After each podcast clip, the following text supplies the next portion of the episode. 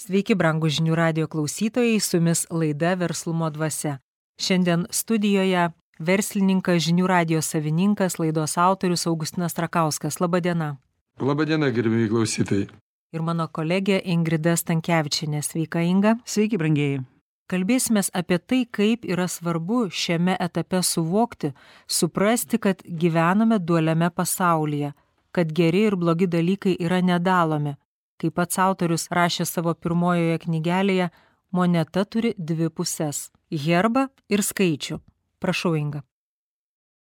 Augustinai, vieną tai jau akivaizdžiai matom, kad tas nuolat pasikartojantis dėsningumas, kaip jūs sakote, tai jį galima pavadinti tiesa, kad kiekvieno atskirai veikiantis ar tai žinojimas, supratimas, gebėjimas valdyti informaciją, ją panaudoti labai tiksliai ir labai vietoj.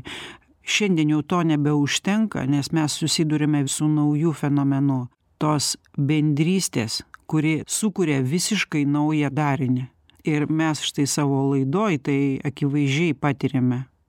Mes turim stipryti savo brandolį kaip, kaip atominės elektrinės kūrą, nes iš ko semėsi mūsų verslumo dvasios laida. Jis semėsi iš intencijų, kurias mes sugeneruojam. O iš ko jos susideda? Susideda iš kiekvieno čia sėdinčių potencialo, iš žinių, iš gebėjimų, iš patirties. Tai visa tai susikumuliuoja, paskui mes visą tai čia bandom sudėti ir atiduodam žmonėm naudojimui. Tai tarp šito proceso mes visą laiką turim žinot, kad jis irgi yra įsenkantis, įsemiamas ir jis turi savo ribas. Nes tiek mano žinios turi savo ribas, tiek jūsų kiekvienos, bet kreipkite dėmesį, aš iš karto suku tą aštuoniukę.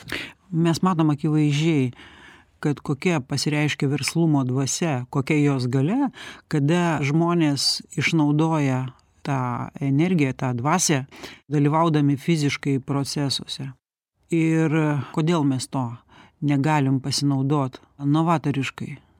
Problema yra tame, kad tas savivertės jausmas pas mus yra silpnas dėl to, kad mes slopinam vieni kitus, kad mes nepripažįstam vieni kitų, kad mes leidžiame veikti tam principui, savam kiemė pranašo nebus. Nesvarbu, kad mes pastebėjom, kad mes atradom, kad mes tą metodiką bandom įdėkti, mes lengviau priimame tai, kas ne mūsų akise gimė yra. Mes kasdien darom išvadas, analizuojam, ieškom išeities, kuriam tvarkas, tobulinam jas. Bet mes turim žmogišką sindromą beždžionės.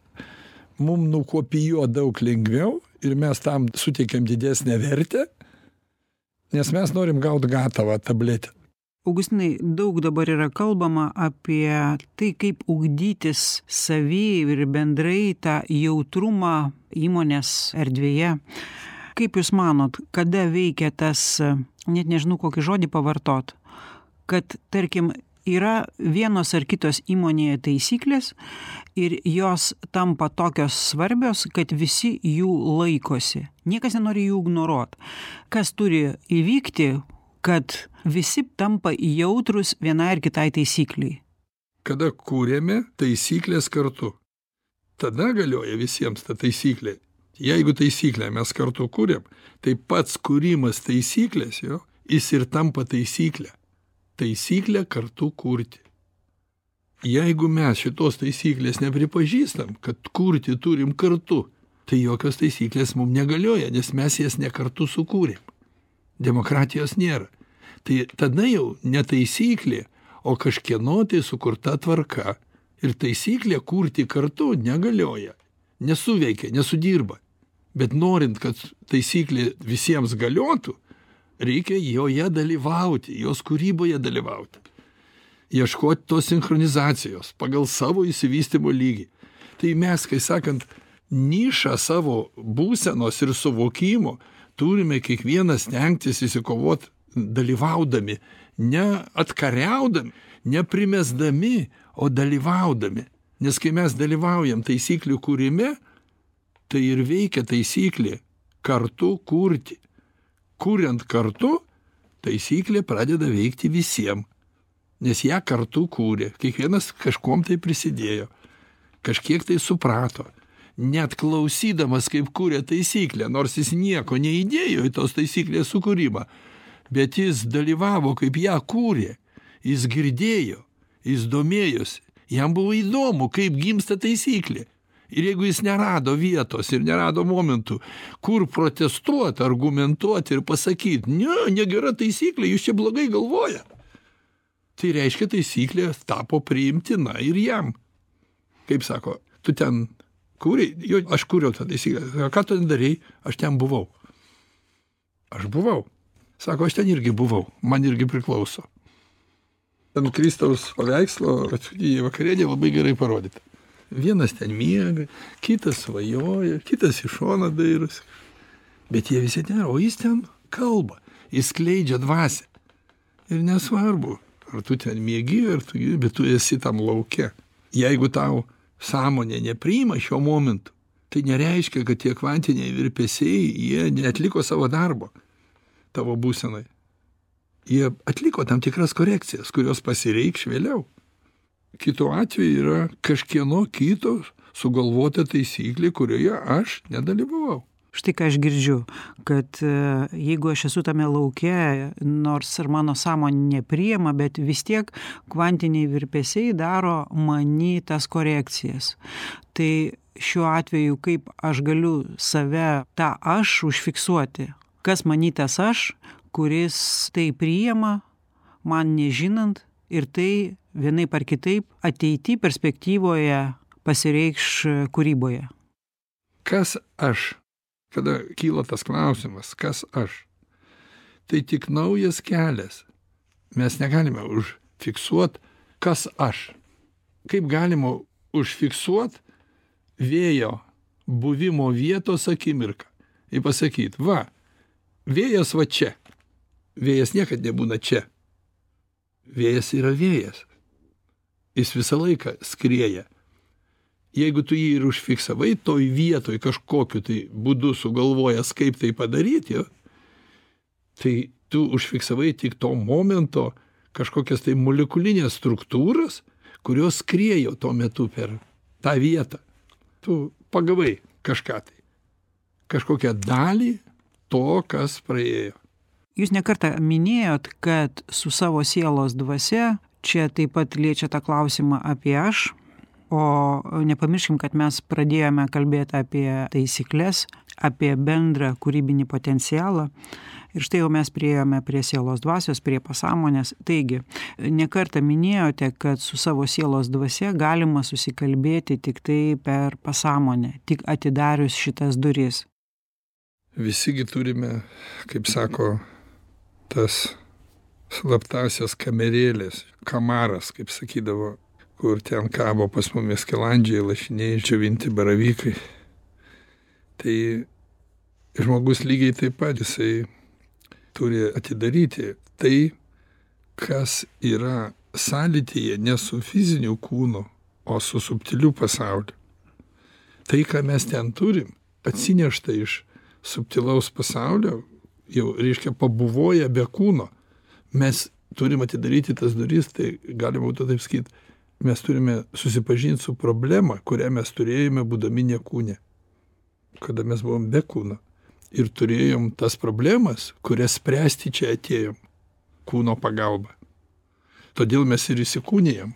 Tai kai mes nebijom savo trūkumus pripažint kai mes galime iš save padaryti kilimėlį iš tų vidinių traukų tų intencijų tų geismų ir per jį pereiti su savo fiziniu kūnu reiškia paminti jį ir pasakyti kad tai yra praeitis.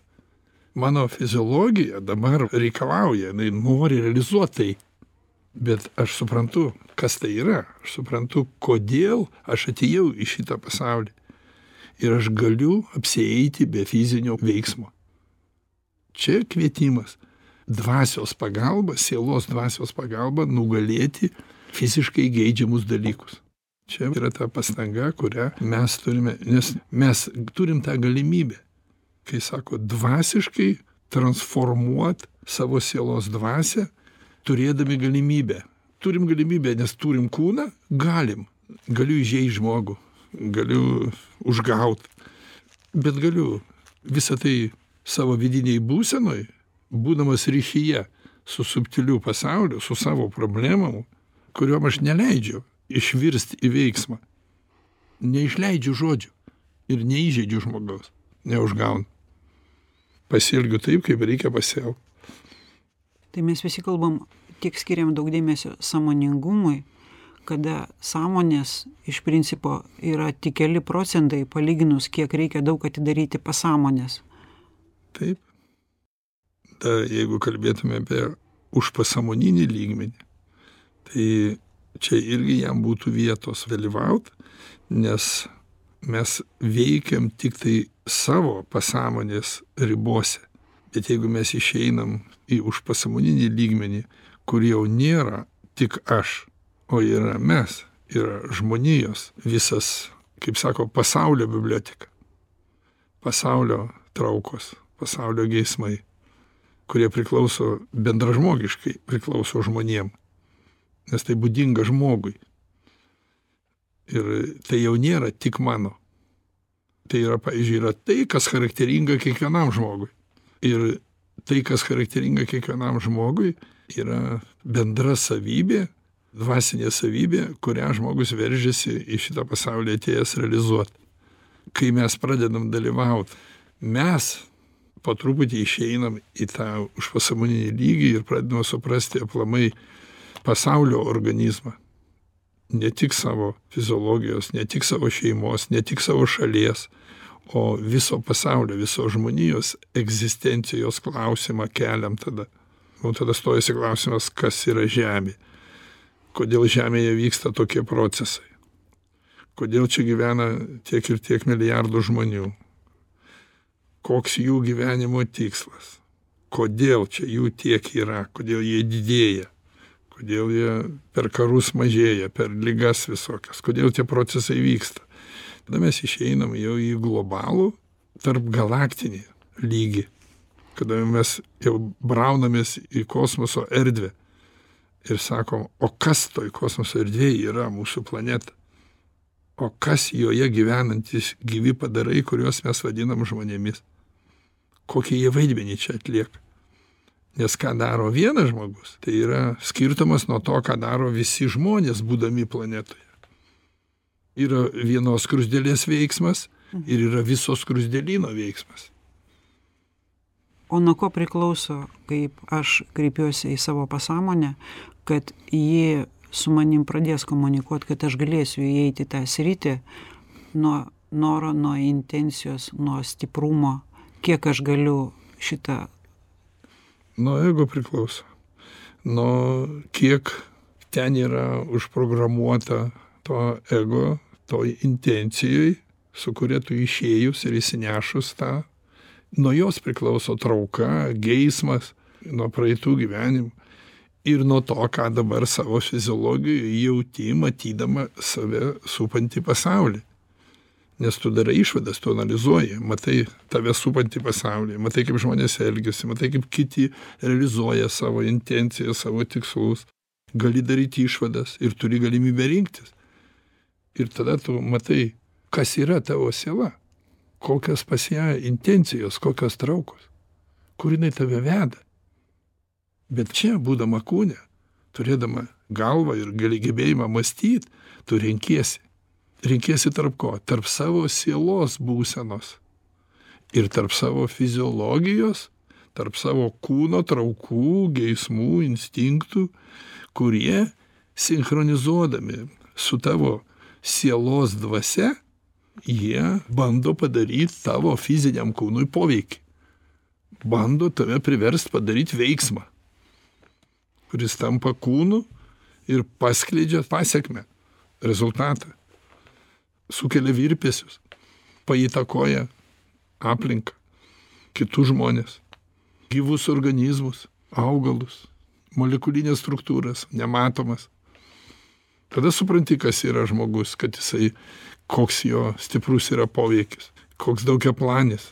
Tai vadinasi mūsų sielos dvasios štai kokybė tas subtilumas yra pats svarbiausias dalykas kurio mes čia yra tikslas tai aš sakiau kad ateis laikas kalbėt tik apie dvasią. Pajaučiau kad ateitis yra svarbiausia kokią dvasią mes skleidžiam. Kokią dvasią mes paskleidžiam į aplinką ir su kokia dvasine būsena mes išeinam iš šito pasaulio. Išsinešam. Nes dabar mes galim šnekėt su savo sielos dvasia užmegzt ryšį ir matyti pažint save pripažint kas mes esam. Mes matom savyje ir žvėriškumo ir klastos ir gerumo ir blogumo. Visko visko mes turim. Kodėl mūsų aplinkoj nėra to prioriteto subtilesniam virpesių ieškojimui? Jisai netampa poreikiu todėl kad mes turim supratimą. Mes ugdom sąmoningumo lygį mes turim protą mes turim galimybę rinktis analizuot. Ir mes visąlaik sveriam ar mum to reikia ar nereikia. Ar tai naudinga ar nenaudinga. Ar nuo to išlošiu ar neišlošiu. Ar bus gerai ar bus blogai. Mes tiktai kūne būdami turim tą galimybę panaudot ir padaryt pasirinkimą. Panaudot mes ir kaip sako kai ten būnam ten turim priėjimą prie tos informacijos kaip ir čia. Kodėl sako kaip danguj taip ir žemėj ten irgi tebūnie kaip danguj taip ir žemėj kaip? Tebūnie. Aš taip skaitau kad taip yra. Nes mes visą laiką esam ryšyje su subtiliu pasauliu su savo sielos dvasia. Ir visą laiką esam ryšyje su regimu pasauliu. Mes matom jį. Jeigu nedalyvaujam bet vis tiek mes jį matom. Jis egzistuoja. Mes galim jį pačiupinėt. Kai esi toj socialinėj erdvėj ir ypač toj mūsų specifinėj erdvėj toj edukacinėj matai kad yra labai daug žmonių norinčių to subtilaus pajautimo tos kitos dimensijos vibracijų pajautimo. Labai aiškiai matai visuomenėj šitas noras yra. Jis sako jeigu yra noras. Bet noras gali būt ir norą mes turim vienokį ar kitokį visą laiką. Bet klausimas kad žengt žingsnį reikia tą norą pasirinkt jo realizavimą. Kad aš renkuosi padaryt tai žengt tokį žingsnį. O jeigu žmogus visa savo vidine konstitucija jau tam žingsniui yra pasiruošęs jo traukos pakankamai nusilpusios ir jam negali per daug stipriai oponuoti šitas momentas.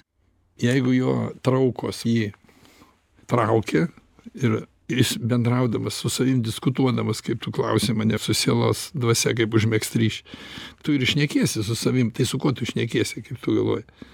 Tu šnekiesi su tuo ką tu turi savo sielos dvasioje su kuo tu atėjus kas tau suponuoja tą norą ir turi tai ką tu matai aplinkui ir matai galimybę. Bet tau reik pasirinkt dabar ar daryt ar nedaryt. Tai jeigu aš tarkim pasąmonei sakau aš noriu tai turėti tai pasąmonė man neduoda to turėt jinai man duoda daugiau noro to turėti kada? Nu galima būtų taip pasakyti kad tu maitini tada norą. Taip. Tu maitini norą ir tu leidi jam save realizuot. Tu suteiki leidimą nes tu sprendi. Jeigu tu suteiki jam leidimą tai tu žengi žingsnį tai reiškia atlieki fizinį veiksmą. Arba pasakai žodį išleidi garsą kodėl sako pirma buvo žodis. Arba tu atlieki veiksmą. Aš turiu omeny kad kada aš noriu turėti tai man išdidina tą norą turėti. ne ne ne ne? ne ne ne biznio nepadarysi. Čia neveikia tas. Čia noriu pasakyt kad noro turėjimas dar neleidžia man aš tai turėt. o aš noriu pasakyti kad gali norėt kiek nori. Veiksmą suponuoja tavo realus pasaulis. Patį norą suponuoja bet veiksmas ir noras skirtingi dalykai. Norą gali turėt. Mes labai ko norim daug ko labai norim bet mes nedarom. Gerai tai dar kartelį. Kada noras tampa poreikiu? Poreikiu patampa tada kada tu suteiki leidimą savo fiziologijai tai padaryt tai prieš tai mes kalbėjome apie poreikį tų subtilesnių vibracijų. Dabar aš jūsų kitaip paklausiu apie šitą trys d formatą. Aš ateinu į gyvenimą įsikūniju ir jaučiu pagal savo poreikį kad turiu daugybę įvairiausių traukų. Instinktyvių troškimų kažkokių tai geismų. Kas lems kad jie bus realizuoti? Kada tu pripažįsti ir ne, pasiduodi norui. Sakai, aš labai noriu. Nes kodėl Kristus sako, jeigu nors agonos grūdo dydžio liks tas noras, tai jis duos vaisius. Tu tam ir atėjai, kad tu atsikratytum to noro. Ir jeigu tu matai, kad tu jo negali be veiksmo nugalėt, tai reikia atlikti veiksmą. Nes tada tu išeisi ir įsineši jį. Augustinai, mes darėme laidą su keliais vyrukais iš visuomenės platformos Insocium ir visas dėmesys buvo skirtas ryšių kūrimui. Dar kartelį prašau, pasakykit savo požiūrį, kas yra tie ryšiai. Mums ryšiai tam reikalingi, kad mes ryšių pagalba, nes kas yra ryšys? Ryšys yra tai, kas yra mums nauja.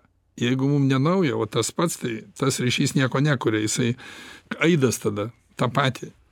Bet kitoniškumas, kodėl knygose rašau, kad mes turim būt skirtingi ir tai yra gerai kad mes skirtingi ir skirtingai mąstom. Nes ryšys atsiranda tada ir poreikis ryšio atsiranda ir jis plečiasi tada kada mes turim įvairovę kada mes turime skirtingas nuomones skirtingą išsivystymo lygį skirtingas traukas tada mes galim daryt pasirinkimą apie kurį mes prieš tai kalbėjom. Kitaip mes nežinotume nematytume nebūtume šitame galimybių pasaulyje. Nes mes gimstam čia kaip galimybių pasaulyje. Ką aš ir knygoj rašau kad oras pripildytas pripildytas intencijų intencijos dvasios minčių dvasios visų tų virpesių kuriuos generuoja kiekviena virpanti siela su savo dvasia jinai skleidžia ir mes už tai kitą kartą nesuprantam kodėl papuolam į kažkokį tai lauką arba į kažkokią tai atmosferą kur mumi pradeda valdyt dalykai kurių atrodo mes ir neturėjom savyje ir niekad mum nekildavo tokių minčių. Staiga jos pradeda okupuot mumi.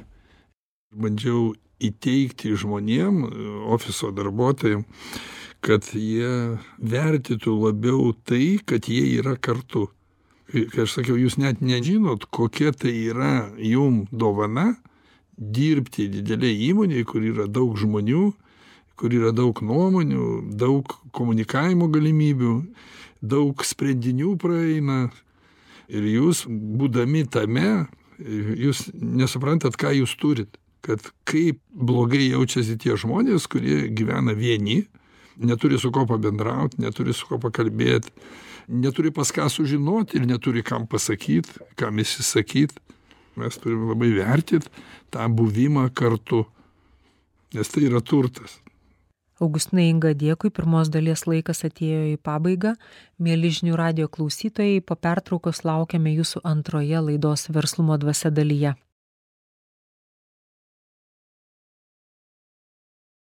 Brangų žinių radio klausytojai, grįžtame į laidą Verslumo dvasia. Antra dalis, priminsiu, kad kalbamės su verslininku, žinių radio savininku, laidos autoriumi Augustinu Rakausku. Šiandien mūsų laidos tema, kad mes nuolat patiriame dualumą ir turime nuolat rinktis. Tai leisdamas knygą, jūs turbūt kaip ir kiekvienas rašantis žmogus būkštavot, ar dar taisyti, ar jau leisti. aš pradėjau būkštaut kad laikmetis labai dinamiškai keičiasi. Ir aš pradėjau jaust kad tos informacijos dabar reikia. Kad dabar ir mane labai stabdydavo kad aš matydavau kad didžiajai daliai visuomenės tos informacijos dar nereikia.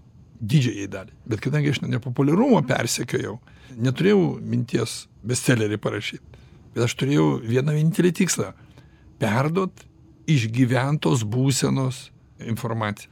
Kas vyko manyje?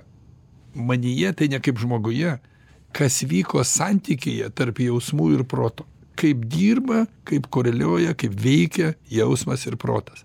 Ir kadangi dabar jau technologijos nuėję taip toli ir visi mato kad čia kaip sakai gailestingumas. Jau aš negaliu pavyzdžiui pripažint gailestingumo kaip faktoriaus man reikia jį apibrėžt kas tai yra. Ir šiandieną mokslinis jau žmonių atradimas jau jisai suteikia pilnai informacijos kad tai yra virpesiai kad tai yra būsenos skleidžiami virpesiai ir būsenos priimami virpesiai. Mes skleidžiam ir priimam priimam ir skleidžiam. Ir matau kad čia be dualumo nieko nebūtų atsiradę. Nes jeigu nebūtų pliuso ir minuso tai nesigautų nieko. Tada viskas stovi sustoja viskas. Augustinai tai kur yra pavojus kada mes orientuojamės tik į teigiamus tik į pozityvius dalykus pamiršdami kitą pusę turbūt nieko šiais laikais nėra blogiau kaip skleist žinią kad nieko nedarant tu pasieksi norimą rezultatą.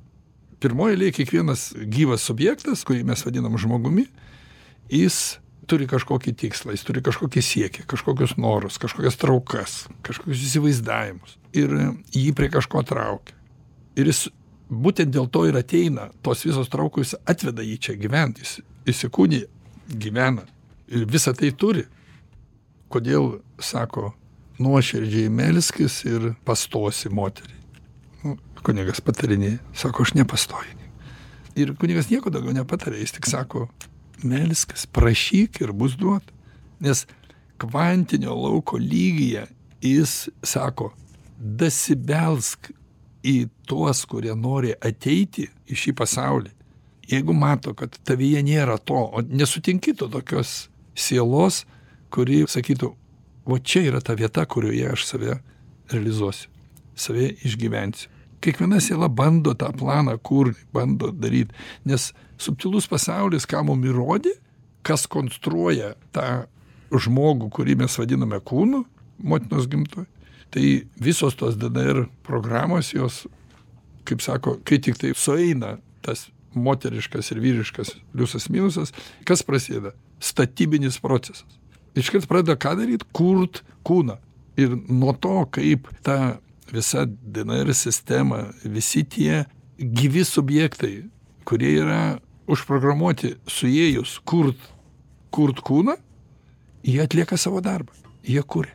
Jie visi atlieka savo darbą. Jeigu tik kas nors ko nors nepadaro mes matom kad apsigimimas kažkokios fizinės klaidos arba atsiranda vidinės būsenos klaidos. Vienas turi kažkokius gabumus kitas neturi. Tai šičia labai sudėtingas mechanizmas nes turi atitikti to su kuo ateina ta siela ta jos dvasia integruojasi. Jinai ne fiziškai fiziška nėra ta siela fizinė substancija. Jinai yra struktūra būsena kuri neturi tuo metu kūno. Jinai negali išreikšt save. Jinai negali pakeist nieko savyje nes nieko nejaučia. Fizine prasme nevyksta reakcijos. Jeigu nėra dualumo tai reakcija negali vykti. Jeigu reakcija nevyksta niekas nesikeičia. Jeigu niekas nesikeičia tada mes statom klausimą ką mes čia veikiam kam mes kas mes dėl ko mes čia atėjom ir kokia čia mūsų ta paskirtis. Būti? Tai tada pažiūrėkime per mokslinius dabartinius atradimus. Viskas kas yra viskas kas turi būti turi formą ką norit imkit visur rasim dualumą. Ar tai būtų vanduo ar tai būtų sniegas ar tai būtų akmuo ar tai būtų medis. Visur atrasime dualumą kuris ir sudaro tą struktūrą nes kitaip atomai nesijungia kitaip nėra to pliuso ir minuso nėra tai kas sudaro reiškinį kurį mes vadinam kažkokia tai fizine išraiška. O paskui mes jau pereinam į subtilų lygį kurio mes nematom. Šiandieną mokslas duoda labai daug papildomos informacijos. Bet jeigu mes susiorientuojam tiktai į pasekmę kurią duoda mokslas tai mes iškart sustojam. Nes jeigu pasakai viskas va žinau tai vėl tas pats kartojasi kaip žmonės atrado atomą. Galvojo kad viskas bet viskas tik prasidėjo. Šita vieta yra šiandieniniais laikais yra labai pavojinga ir jinai vyksta tokia nebyli kova atsiranda šalininkai kurie nori įteigti žmonėm įtikinti juos kad nieko nereik daryt. Reikia tiesiog būti. Ir viskas bus duota. Bet kaip žinom mūsų materialų žmogišką pasaulį valdo mažuma įstatymus kuria tvarkas nustato turi savo tikslus interesus. Maskas nori nuskristi į kitą planetą nori turistus skraidint nori būt pirmas. Vyksta konkurencija vyksta kova. Tai tada ta mažoji dalis jinai valdo tą didžiąją dalį. Joje tada yra nu dešim dvidešim procentų nu aš tai tikrai yra mažuma tiktai tiek aišku bet yra dar mažesnė mažuma. Maždaug septyni procentai yra žmonių kurie visą šitą procesą stebi analizuoja ir daro išvadas iš to dualumo iš tų kurie su mokslo pagalba tai reiškia tas pajautimas tas suvokimas kas vyksta jis duoda žinojimą. Tada plečiasi auga siela. Nes mes tik tam ateinam kad padidintume šitą potencialą mes daugiau jaustume daugiau suprastume ką jaučiame. Ir procesas labai elementarus. Mes patiriam gyvendami kūnuose naujus jausmus patirdami naujus jausmus mes pradedam suvokti nes mes turim protą su kuriuo galime analizuoti kelt klausimus ieškot atsakymų.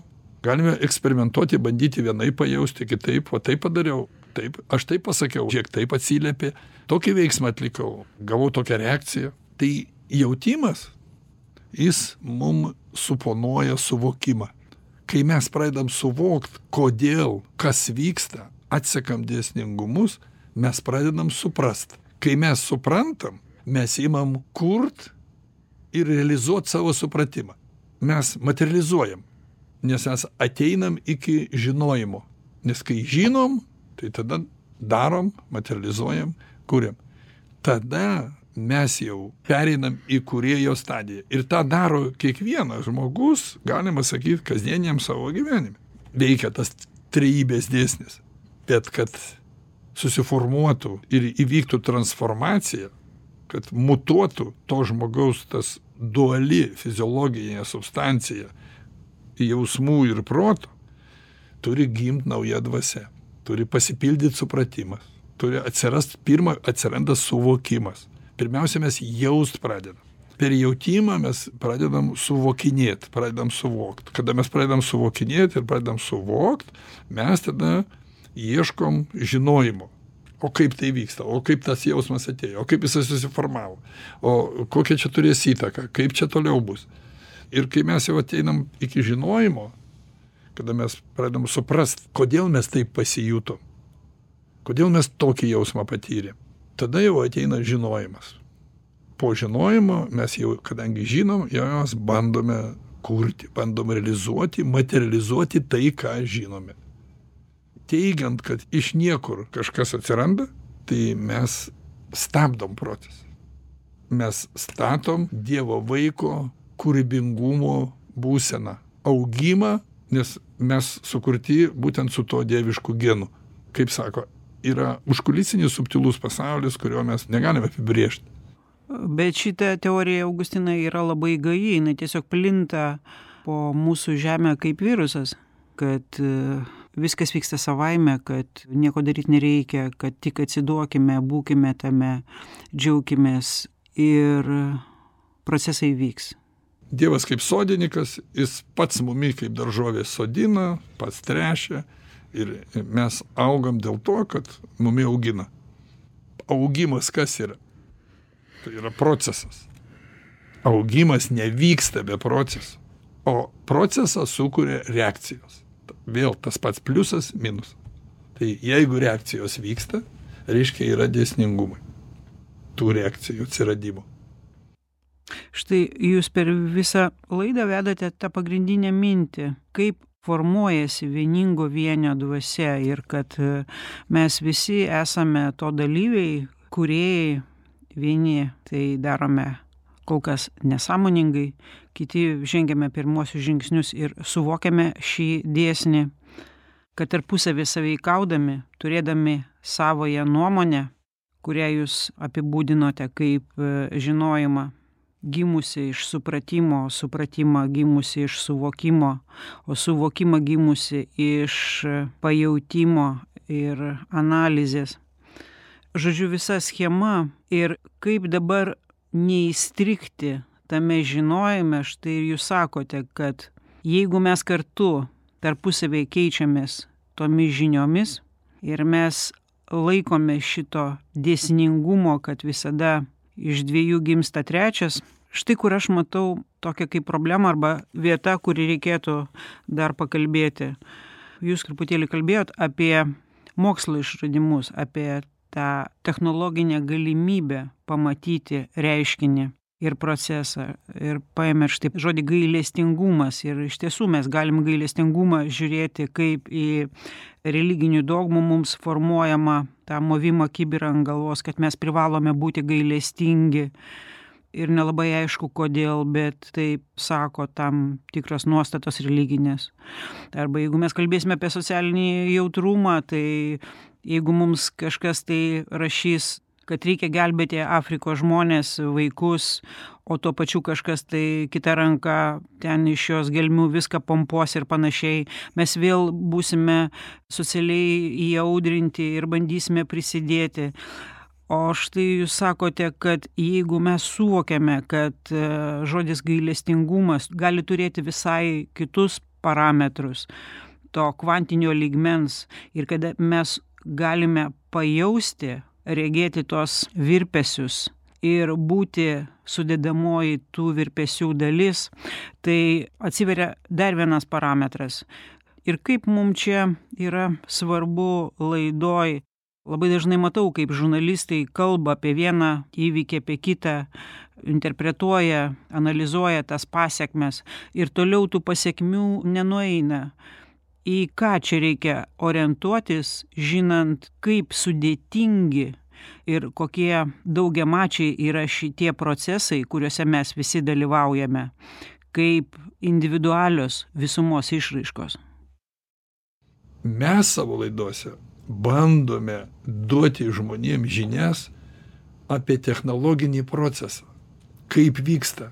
Mes tikrai visko nežinom bet tai ką sužinom tai ką pajaučiam stengiamės ištransliuot stengiamės atiduot stengiamės prisidėt prie šito viso organizmo kurį vadinam žmonija prisidėti su savo žinojimu. Nes mes praeinam tam tikrą kelią.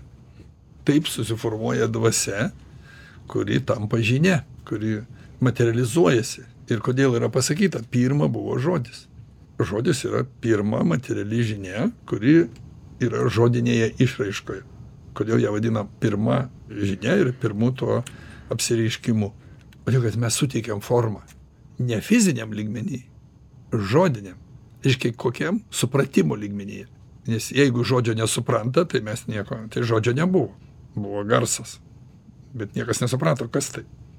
Jeigu mes žiūrėsim ne per dualumą kaip mus kartais bando išmušti mes tiesiog pamesime svertus mes tiesiog susimaišysim ir subalamutis ir mus ir subalamutis klausytoją ir kaip jūs sakot nieko tada nereikės daryt. Kažkas statys ir viską sutvarkys. Bet labai yra daug norinčių kad žmogus nieko nedarytų. O kad priimtų jam nuleidžiamas tvarkas gyvenimo būdą elgesį. Taigi pažiūrėkit kiek yra pasaulyje tų instancijų kurios mum aiškina kaip mes turim gyvent čia tas nuolat vyksta. Nuo pat vaikystės žmogų bando lipdyt bando klijuot bando formuot kaip molio gabalą. Mes gi einam kitu keliu. Kitu keliu tai kada mes naudojamės savo patirtimi savo žinojimu savo supratimu. Sakykim štai jūsų patirtis jums suteikia daugybę galimybių priimti savo paties asmenybės įvairiausių patirties moduliacijų. Jūs galite tą patirtį tą skirtinguose lygiuose sukauptą mokytis integruoti į visumą ir rodyti kaip veikia tie dėsningumai jūs per savo patirtį galite rodyti kaip žmogui priimti patį save su savo patirtim. Čia aš turiu omeny apskritai žmogų sukaupusį patirtį ir suvokiantį kad jinai privalo būti integrali. Toli gražu ne viską aš išgyvenęs bet yra daug dalykų kuriuos mano išgyvenimai leidžia man pajausti jeigu aš tų išgyvenimų būčiau neturėjęs man neleistų pajausti tų dalykų kurių aš dar nesuvokiu. Ir skirtumas toks tarp mane ir jų kad aš kalbu apie dalykus kurių aš nesuvokiu. Jeigu man lieptų kaip sakant apgint disertaciją patvirtint tai aišku kad aš to nepadaryčiau. Bet aš transliuoju tai ką mano jausmai per mano protą kuris yra toj srity daug dirbęs daug stebėjęs daug analizavęs jis man transliuoja kaip aidą. Aš pasiunčiu impulsų ir man ateina tam tikri garsai. Aš girdžiu, man eina tokia išvada, toks atsakymas. Ir tai aš vadinu užpasamoniniu lygmeniu. Ir aš skaitau, kad šitą užpasamoninį pasaulį kūrė visa žmonėje. Tai jokiais būdais nekuria vienas ten kažkoks patyręs arba kažką patyręs. Jis tiesiog yra dalis to viso užpasamoninio pasaulio ir jeigu pavyksta dirbant prisiliest prie to, tu prisilieti ir žinai kaip nisonas, prisilieti prie to, kas skamba. Ir tau tai garsą įskleidė. Tu aš ir užrašiai, užfiksavai, nes tu prisilieti. Ir kadangi tu mintimi, jausmais prisilieti, jausdamas tu pradėjai siūsti impulsus, tai tau ir duoda atsakymą. Tai gerai, patikslinkit vis dėlto šitą vietą. Kalbėdamas apie ryšius, jūs akcentavot, kad ryšiai tai yra tai, ką mes kūrėme naują. Atsisukame ne į tai, ką mes žinome ir ne iš žinojimo mes kūrėme, kepama tas pačias mandėlės. Bet štai šita vieta, kaip žmogus savo patirtimi yra pasirengęs atsisukti į naują, į nepažintą, nesuvoktą ir ką jis tada daro. Aš pradėjau ieškot būdų, priemonių, pradėjau galvot ir tai beieškant, be darant, be keičiant, mane atvedė, kaip sakant, aš priverstas buvau kreiptis į tai, ko nėra ir į tai, ko nesuvokiu. Na, į tą vadinamą užpasaulinį pasaulį. Ir tada pradėjau visai kitaip vertinti aš tada supratau aplamai, kam to reikia. Nes man labai atsistojo klausimas labai konkrečiai. Ką aš čia darau? Ką man to reikia? Jeigu aš nebūčiau radęs, nebūčiau išvelgęs tų dalykų, kuriuos išvelgiau ir nebūčiau supratęs, kad tai yra tik tai vienos mažytės lastelės prisidėjimas prie to, ką, kokiu keliu eina kūnas, tai man reikia labai ir plačiai ir labai giliai analizuot ir labai žiūrėt ir kodėl sako pagrindinis gyvenimas vyksta čia ir dabar.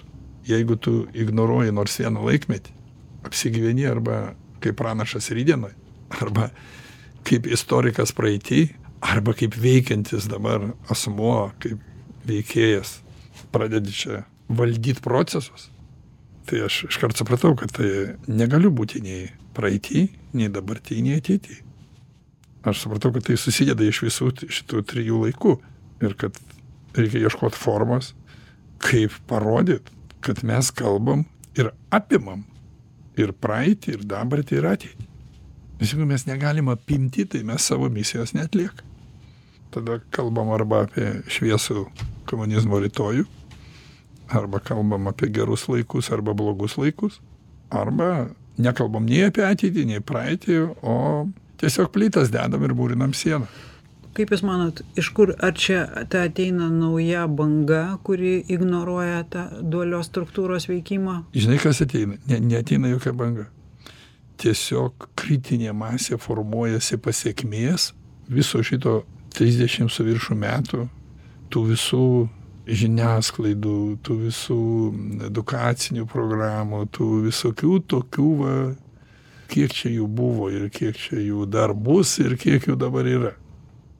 Tai virpesių kritinė masė, ta kryptim vedančių žmonės, virpesių kritinė masė susiformuoja. Ir kuo toliau, tuo jinai stiprėja, nes visą laiką vyksta, kaip sako, blogis nesnaudžia. Nes čia stovi išlikimo klausimas. Čia jos finansuoja, jie dirba, sijuosia kad žmonės kuo mažiau turėtų laisvo apsisprendimo, kuo e, mažiau kištųsi. Jie sako, jūs šokit, dainuokit, jūsų protas auksinės, ko jūs dar čia ieškot. Kaip laidoj ten kažkokioj sako, prieš surovę tik tai eidami pasiekia kažką tai ir, ir sužino. O ne tie, kurie pasroviui neša jūs. Aš taip žiūriu į tą posakį kai tu gali už kažko užsikabinti ir tu gali parodyti kad visi eina pro tave o tu stovi tu nepasiduodi nunešamas srovės yra viltis kad kažkas tai irgi prikibs nešamos srovės. Jeigu tu, sakysim, potvinio metu už medžio laikais, tai kažkoks plaukiantis gali irgi užkimšti. Bet kokia prasmė rėkti ir sakyti, sustokit, jeigu tave kartu neša. Mūsų tikslas ieškoti, kaip sustabdyti tą masinę srovę, vis didėjančią galę. Aišku, kad mes nesustabdysim. Aišku, kad mes nepakeisim pasaulį. Kad jeigu mes nieko nedarom, tai tada ir nedarykim, tada ir plaukim. Augustinai labai ačiū. Ačiū ir tau, Inga. Mėly žinių radio klausytojai, su jumis buvo verslumo dvasia. Iki kitų susitikimų.